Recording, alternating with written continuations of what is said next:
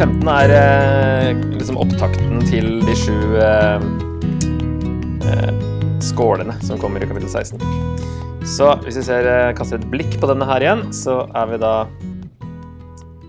eh, Ja, sju skålene har jeg skrevet som 15 og 16, da. Men det er jo sangen for lammet i starten her i kapittel 15. Og bare noen raske punkter om den. Eh, I vers 2 Jeg så noe som lignet et hav av glass blandet med ild. På glasshavet sto de som hadde seiret over dyret og bildet av det og tallet som står for dyrets navn. De har Guds harper i hendene og synger den lovsangen som Guds tjener Moses sang, den som også er sangen for lammet. Så kommer den lovsangen. Store og underfulle er dine gjerninger, Herre Gud, du allmektige. Rettferdige og sanne er dine veier, du konge over folkeslagene. Hvem skulle ikke frykte deg, Herre, og ære ditt navn? For du alene er hellig, alle folkeslag skal komme og tilbe for ditt ansikt, fordi dine rettferdige dommer er blitt åpenbart. Igjen masse kursiv, som hentes fra GT. Og hvis vi slår opp Moses' sang, så er jo ikke Moses sin sang sånn. Eh, Det er jo en helt annen sang de synger der etter eh, Sivsjøunderet, men dette er på en måte en ny Moses-sang. Og linker jo veldig tydelig da til utgangen fra Egypt. Em, Glasshavet var jo nevnt i 4-6, men nå er det blanda med ild. Og kanskje er det fordi det liksom er etter dommen, at siden ild ofte står for dom, eller noe sånt. Eller at de har kommet seg gjennom en ildprøve eller et eller annet. Det er i hvert fall en ny detalj der. Eh, og Moses sin sang, da, den står i 2. Mosebok 15. Em, og em, ja, de som synger her, de har seiret over dyret, står det. Og de står foran Gud. Dommen, som er de sju skålene, kommer over de som bor på jorden og som tilber dyret, står det i 16 vers 2. Sånn at uh, her er de som ikke har tilbedt dyret, står uh, foran Gud og lovsynger han og, sa- og lammet. Um, og så er det de som er på jorda fortsatt, på en måte, er uh, de som har tilbedt dyret, som da dommen kommer over. Så eh, oppsummerer raskt eh, kapittel 15 her. Eh, igjen et bilde på en ny utfrielse for Guds folk, som da samtidig betyr dom over undertrykkerne, sånn som det gjorde i andre Mosebok også. I andre Mosebok sto de ved siden av Sivsjøen og sang om frelsen. Her synger de Moses sang på nytt, denne gang på havet. Og Jeg vet ikke helt hva det skulle bety, at de står på havet istedenfor ved siden av. Men eh, hvis den her eh, gla- glasshavet også kan være denne eh, hvelvingen som Esekiel så, og som Moses også så under Guds føtter, så er det sikkert noe flere ting inne i, bildet der, da. Men det er i hvert fall et hav her også, så det er eh, flere linker, ja. Og så eh, begynner de sju plagene. Sju siste plagene, står det, altså de sju skålene. Og ehm, Vi leser fra 16.1. Og jeg hørte fra tempelet en høy røst som sa til de sju englene Gå av sted og tøm de sju skålene med Guds vrede utover jorden. Da gikk den første engelen bort og tømte sin skål utover jorden, og vonde og forferdelige byller brøt ut på de menneskene som bar dyrets merke og tilba bildet av det. Um, så her er det ikke lenger en fjerdedel eller en tredjedel, men det er fullstendig. Og at dommens dag nå liksom virkelig har kommet, da. Har jo kommet før òg, men da har det vært liksom delvis, og har liksom varma opp til, til dette her, som egentlig Nå er det på en måte den siste avslutningen med dommen. Starter egentlig her, og så er det to-tre kapitler om dommen over Babylon, som representerer da Romerriket og egentlig hele verden. Og så kommer Jesus igjen, og så er det dommen en gang til. Men det er nok, virker som det er den samme dommen som bare strekkes utover mange kapitler på slutten her. I den tredje runden. Og her er det flere Egypt-plager. I den første så er det da byller. Og akkurat som i andre Mosebok så rammes ikke Guds folk her heller av disse plagene. Den neste er havet til blod. Andre skåla. Som også da er en utgang fra Egypt en gang til. Elver og vannkilder blir til blod i det tredje. Og det er eh, også fordi, i vers 6, for de har utøst de helliges og profetenes blod, og blod har du gitt dem å drikke. Det er som fortjent. Så det er et bilde på en rettferdig dom, da. Fordi de har drept Guds folk, så eh, Og det gjelder nok ikke Dette er kanskje mer universelt da, enn bare romerne. Um, alle motstandere av Gud, så blir det en rettferdig dom. Og så ser vi i vers 5 at um, rettferdig er du som dømmer slik, du som er og som var, du hellige. Ikke lenger som skal komme, som vi så tidligere også. Her er det slutt for tredje gang. Sola svir i den fjerde, og dette burde ha fått dem til å vende om, men det gjør de ikke. Likevel spottet de Guds navn, han som hadde disse plagene i sin makt, og de vendte ikke om, så de ga ham ære. Så her ja, alt helles ut på samme dag, da. Og som vanlig så blir det litt mer info utover. Femte er fortsatt ganske kort her, da. Men tidligere så har det blitt liksom mer, mer Eller lengre avsnitt på de tre siste. Den femte og sjette kan vi ta her. Femte engelen tømte sin skål utover dyrets trone, vers 10. Da ble dyrets rike lagt i mørke, og folk bet seg i tungen av smerte. Men de spottet himmelens gud for smertene og bildene sine, og de vendte ikke om fra sine gjerninger. Ehm, så mørket er jo også fra utgangen fra Egypt. Og det nye Egypt som undertrykker dem, blir dømt, og det er ingen omvendelse fortsatt. Så kommer den sjette, og der er det da um, at Eufrat tørker opp tømte sin skål i den store elven Eufrat. Vannet i den tørket bort, så det kunne ryddes vei for kongene fra østen. Og jeg så at det ut fra dragens og dyrets og den falske profetens munn kom tre urene ånder som lignet frosker. Det er litt sånn, der, sånn en ond treenighet her. I denne boka i hvert fall. Dragen, dyret og det andre dyret, som kalles den falske profeten. Som er en sånn trio som opererer sammen. Og så kommer det tre urene ånder som lignet frosker, som også man har fra Eh, Egypt. da. Dette er demoniske ånder som gjør underfulle tegn, og de drar ut til kongene i hele verden for å samle dem til krigen på Guds den allmektiges store dag. Se, jeg kommer som en tyv, salig er den som våker og tar vare på sine klær, så han ikke må gå naken og vise sin skam. Og åndene samlet kongene på stedet som på hebraisk heter Harmageddon. Her kommer det inn, da. Nevnes vel eh, bare her, tror jeg, dette ordet. Men det har fått en ganske stor eh, ettervirkning. Så eh, kongene fra Østen eh, virker å være blant annet parterne, kanskje det er flere òg. Men noe av det lignende sjette basun, da, der også Eufrat var inne i bildet. Eh, frosker, som sagt, fra andre Mosebok.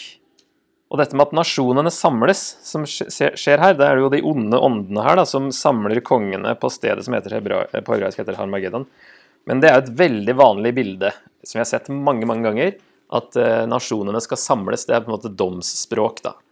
Så både Joel, Sefania, Isaiah og Zakaria her, og flere har snakka om det.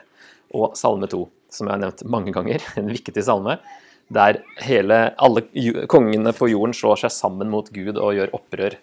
Og det er eh, ja, veldig vanlig domsbilde når nasjonene skal samles sånn på slutten. Harmageddon har vi snakka litt om før, tror jeg. At uh, det er da, kommer fra Har Megido, som betyr Megiddo-fjellet. Vi snakker bitte litt mer om det etterpå. Og her er det fortsatt ingen omvendelse. Eh, for Megiddo-fjellet, det fins jo ikke. Megiddo er en slette. Megiddo-sletten. Hvor en, noen kamper i GT skjedde. Eh, nevnes ikke så veldig mange ganger, men andre, nei, dommerne Eh, fem, når Deborah og Barak eh, har denne seieren sin, så er det på Megiddo-sletta. Og eh, andre kongebok, der er det når Yoshia dør. Han ble drept på den sletta der. Nærmeste fjellet er Tabor, som må nevnes i forbindelse med den dommerne fem-seieren her.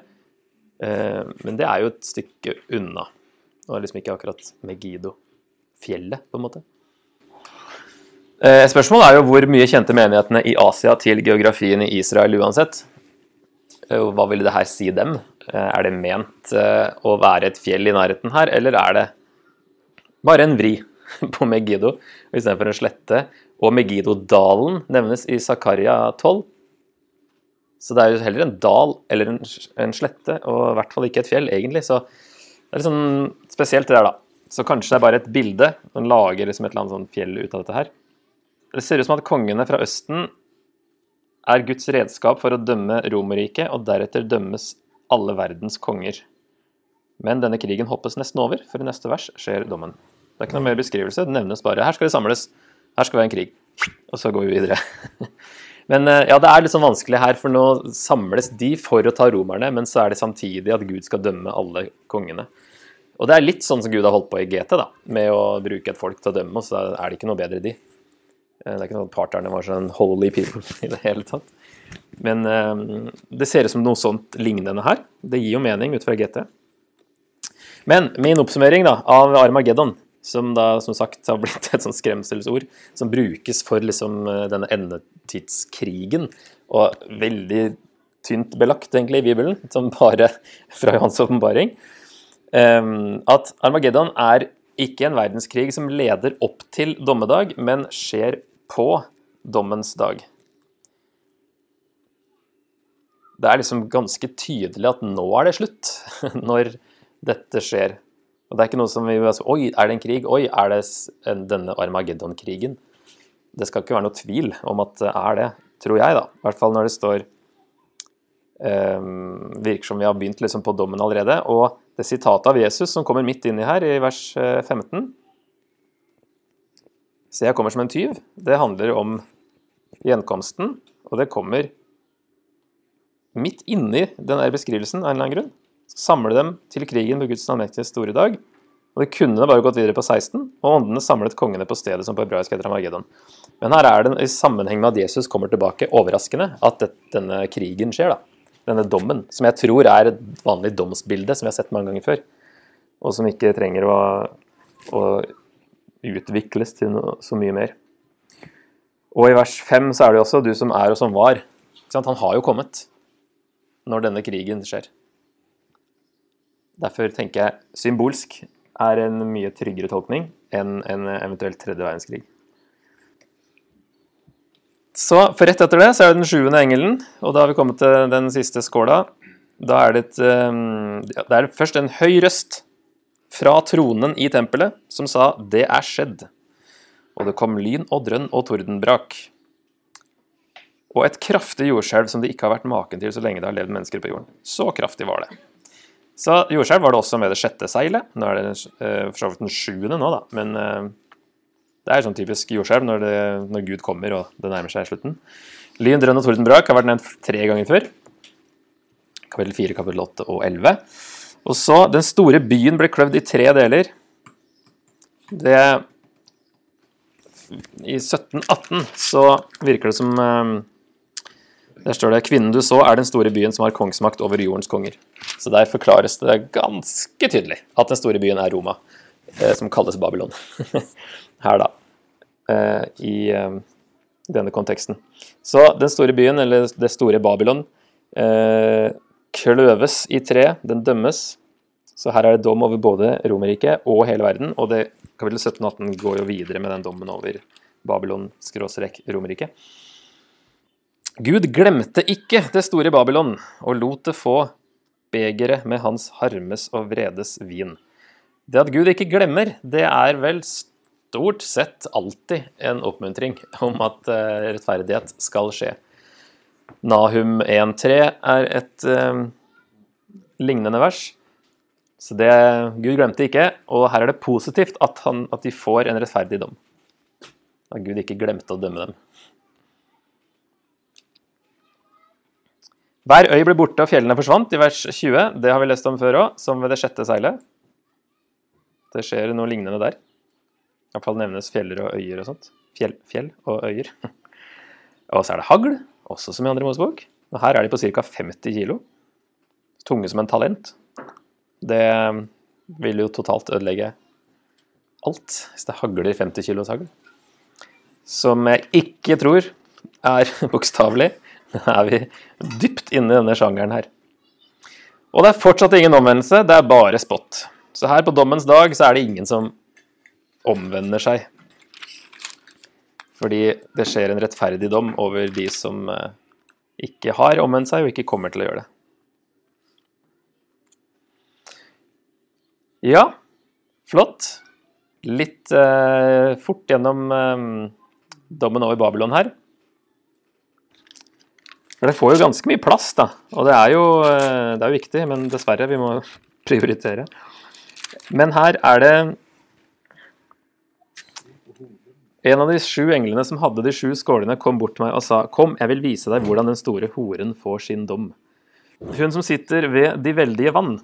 Og nå var jo ikke Roma noen havneby, men satt på en måte på Middelhavet. Det er jo som Middelhavet i sentrum, og så er det landene rundt som utgjør Romerriket.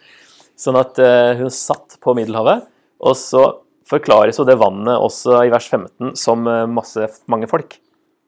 Sånn at uh, det kan jo være litt dobbel betydning der òg.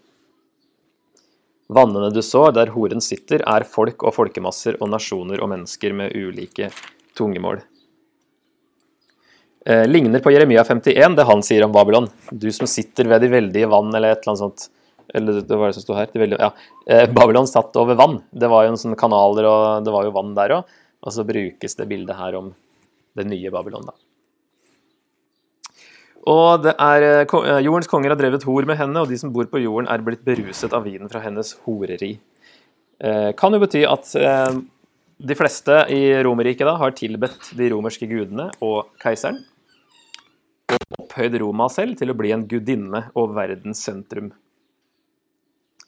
Og så ser han, i ånden førte han meg ut i ødemarken, og jeg så en kvinne sitte på et skarlagenrødt dyr som var overstrødd med navn som var en spott mot Gud.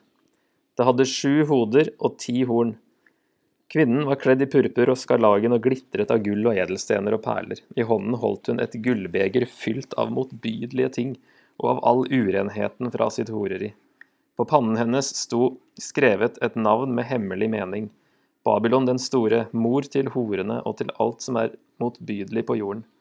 Og jeg så at kvinnen var beruset av blodet fra de hellige og fra Jesu vitner. Det avskyelig ekkelt bilde, den beskrivelsen her. Uff a meg. Så her får jeg i hvert fall fram hvor ekkelt det her er, samtidig som det på en måte er attraktiv, for det er gull og det er edelstener og perler og sånne ting, men så er det bare så ekkelt og avskyelig. Og Guds bespottende. Men beruset av blodet fra de hellige, det er bare sånn Uff. Og um, her blir det veldig komplisert, da. Utover her. Så prøv bare ta det kjapt. Men Roma, altså eh, For nå er det som både denne horen og dyret har noe med Roma å gjøre. Det er som at Roma sitter på dyret. En tolkning er jo at den romerske stat bæres av keiserne og militærmakten. Altså at kvinnen her er, er staten, og dyret er keisermakten, eller militærmakten. Det. At det er en forskjell der. Men blir, nå blir det veldig komplisert når flere ting uh, får samme betydning, på en måte. Uh, om dyret kanskje er den forfølgende keisermakten, og som da er det som jeg har sett på tidligere i boka, mens uh, denne horen står for noe annet. og så snakkes det om at i vers 8 Dyret du så, det var, men er ikke, og det skal komme opp fra avgrunnen og gå sin undergang i møte. Mulig. Det betyr at den var, altså under Nero, da det var forfølgelse. Den er ikke, fordi akkurat nå så er det ikke statlig forfølgelse som pågår, altså på deres tid, men det kommer. Kommer til å komme tilbake, da, dette dyret er jo én tolkning. Men her så jeg i mine notater at jeg hadde bare spørsmålstegn på alt. Så det er ikke, så, det er ikke noe vits å være så veldig påståelig her, men bare ta noen hovedpunkter. For det som skjer, er jo at uh, dyret angriper uh, denne horen. Uh,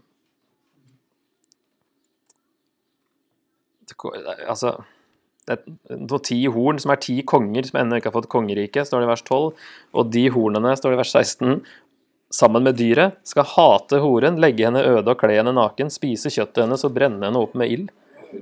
For Gud ga dem i hjertet å fullføre hans plan og ha en og samme vilje, overgi sin kongsmakt til dyret helt til Guds ord er oppfylt. Så her eh, i hvert fall så imploderer det på en eller annen måte, dette her, og det er en dom eh, over den store horen her, da. Og så kommer eh, dommen over dyret, eller den blir kasta i ildsjøen senere. Så eh, siden her blir litt eh, vanskelig, så skal vi bare ta raskt det som For det snakkes om noen eh, her kan vi se en interessant en som har tegna de romerske keiserne og fått liksom blåst liv i ansiktene ut fra hva man vet, hvordan de så ut. Det får det liksom litt nærmere. så det var veldig interessant. Um, fra Augustus, da, som den første, når man ikke regner med Julius Cæsar, så har han gått helt ut til uh, slutten av 200-tallet. Fordi det, her er det jo um, noen uh, keisere som nevnes, virker det som. Altså fra vers uh, 9, der avsnittet begynner. De sju hodene er sju fjell. De sju hodene er sju fjell, og på dem sitter kvinnen. Roma også satt på Eller opprinnelige Roma da, hadde sju fjell eh, også. Det var kjent som liksom sjufjellsbyen, da. Så det er også et Roma-hint. Det er også sju Men de er også sju konger, så her har de to betydninger. De sju hodene er både sju fjell og sju konger. Fem av dem er falt, én er nå, og én er ennå ikke kommet. Når han kommer, skal han bli værende bare en kort stund. Dyret som var og ikke er, det er selv den åttende, men er samtidig en, en av de sju, og det går sin undergang i møte. Så her, bare nå, nå, nå gir jeg opp. Liksom her, hva skjer nå? Fordi her prøver man å finne ut da, hvilken keiser er den som er nå. Her er tatt med de som eh, er i det første århundret og litt mer, da. Um, sånn at um, sju kan jo bety alle Romas keisere og ikke tas bokstavelig i det hele tatt, fullstendig rekka, og at da det, det, betyr at keisermakten nærmer seg slutten, det med at det er liksom bare én igjen. Uh, og uh, ja, noe sånt. Uh, uansett så visste jo leserne hvem som regjerte. Det er ikke ment å være en gåte for andre lesere senere, sånn som for oss. Hvem er det han mener? For her har man liksom kunnet ende opp med alle keisere fra Nero til eh, Trajan, eh, basert på hvor man starter og hvordan man tenker. Så her er det fullt kaos og uenighet. Så her, da, uten at det skal bli en sånn gåte som vi aldri finner ut av, så er jo poenget å vise hva den regjerende keiseren er, og hvem som egentlig står bak, så de ikke blir lurt av den tilsynelatende rolige perioden før utbruddet, hvis det er en holdbar tolkning, da. At eh, det har vært fem, én er nå, og dyret var. Det er ikke nå, men det skal komme. At det er en parallell der, da. Det kommer en, en keiser til. Um, og da at det refereres til Domitian her og den forfølgelsen han uh, kom til å sette i gang. Så de her fire her i midten, da var jo de som det var fullt kaos da Nero døde. ikke sant? Så du ser der uh, Før Vespasian får makta, så har de jo bare så vidt innom tronen, de tre første der. Så um, vi rekker eh, rask blikk her på historiske årsaker til Romerrikets fall. For å se hva som var med og bidro til at det gikk under, så var det da noen ting som historikerne peker på her. Korrupsjon og politisk ustabilt. Masse borgerkriger i ca. 100 år, fra 180, det er jo en stund etterpå. 180 til 285. Økonomiske problemer og for stor avhengighet av slaver. For stort til å kontrollere. Folk langt unna Roma tok over lokale skikker og blandet seg med andre folkegrupper. Så grensene ble liksom litt viska ut. Og så ble det delt i øst og vest i 395. Dårligere forsvar utad og interne stridigheter om ressurser. Etter hvert finanskrise i vest, der Roma var hovedstad. Da. Øst var jo Konstantinopel. Og så er det denne folkevandringen, altså invasjoner av barbarer, som da er alle utenfor. Eh, gotere, vandaler var et folkeslag. Jeg Fått dårlig rykte på seg, de òg. Frankere, anglere, saksere osv. Roma ble tatt i 410, med et endelig fall i 476. Og Østerrike sto jo i 1000 år til, da, med Konstantinopel da, som hovedstad til 1453. Eh, noen punkter om parterne. da, Hvilken rolle spilte de? Eh, ta med raskt, det er ikke så, det er bare sånn for de spesielt interesserte. De angrep i 115 etter Kristus, tok noen eh, romerske garnisoner. Og i 161 tok de Armenia, Syria og Odessa. Etterkommerne deres, sasanerne, angrep Syria og Mesopotamia på 200-tallet. Så var det stadig kriger utover historien, men parterne tok egentlig aldri Romerriket. Bildet brukes trolig fordi det ga mening for leserne, som den fienden romerne aldri klarte å ta, selv om det var mange folkegrupper involvert i at Romerriket gikk under. Hunerne, f.eks., som var liksom opprinnelig fra Mongolia, tradisjonelt i hvert fall, kom fra nordøst. Det er jo liksom ikke helt, kanskje direkte over Eufrat, men det kom østfra. Kongene fra Østen. Det kan være mye større da, enn bare eh, parterne. Det kan være at undergangen kommer østfra. Og det var en del altså Det at hunerne kom, mongolene kom vestover, fikk andre folkegrupper da, som de møtte på veien, til å flytte videre vestover, og etter hvert inn i Romerriket. Og at det var en grunn til at de gikk under. Så Sånn sett så virker det som at det som sies her med at dommen kommer østfra, eh, er ut fra historien en del av det som skjedde. da. Og så var det noen interne ting sant, med indre oppløsning. da. Ok. Dra bort fra henne, mitt folk, er jo det som sies i 18.4 her. Det er eh, en røst fra himmelen. Dra bort fra henne, mitt folk, så dere ikke tar del i hennes synder og ikke rammes av hennes plager. Sitat fra Jesaja 52, hvor det brukes som at Juda skal vende tilbake fra Babylon. Og spørsmålet er hvor skal de dra? De skal dra, hvilken, altså de drar ut av én by, og de skal til en annen by. De skal dra til det nye Jerusalem, som det da beskrives senere. Og Paulus bruker det om helliggjørelse. Kom ut av Babylon, kom ut av verden. Eh, ikke ta del i det, i det, urene. Det som står der i 18,4.: dra bort fra henne mitt folk, så dere ikke tar del i hennes synder, ikke rammes av hennes plager. Og det Paulus gjør, bruker det i 2. Korinterbrev 6 og første vers av 7. Hvordan kan Guds tempel og avgudene forlikes? Vi er jo den levende Guds tempel, slik Gud har sagt. Jeg vil bo og vandre midt iblant dem, jeg skal være deres Gud, og de skal være mitt folk. Derfor sier Herren, dra bort fra dem og skill dere fra dem, rør ikke noe urent. Da vil jeg ta imot dere, jeg vil være deres far, og dere skal være mine sønner og døtre, sier Herren den allmektige. Mine kjære, når vi har disse løftene, så la oss rense oss for all urenhet på kropp og sjel, og fullføre vår helliggjørelse i ærefrykt for Gud. Så eh, helliggjørelse kan vi jo ta ut av det vi har sett på i dag. Da. Selv om det handler om dom over Babylon, og sånt, så bruker Paulus det sånn. Eh, og det har vi jo sett på før, egentlig. Altså, Leserne her bes jo ikke om å forlate Romerriket fysisk, men om ikke å ta del i syndene. Så de også ikke rammes av hennes plager, altså av dommen. Heller ikke vi skal ut av verden, men holde oss unna det som gjør oss urene, da, for å bruke det bildet, slik at vi kan leve hellige liv etter Guds vilje. Det er jo en sannhet vi har sett mange ganger før, egentlig. Så det var der jeg tenkte å lande i dag. Altså vi fikk litt sånn application ut av dette her.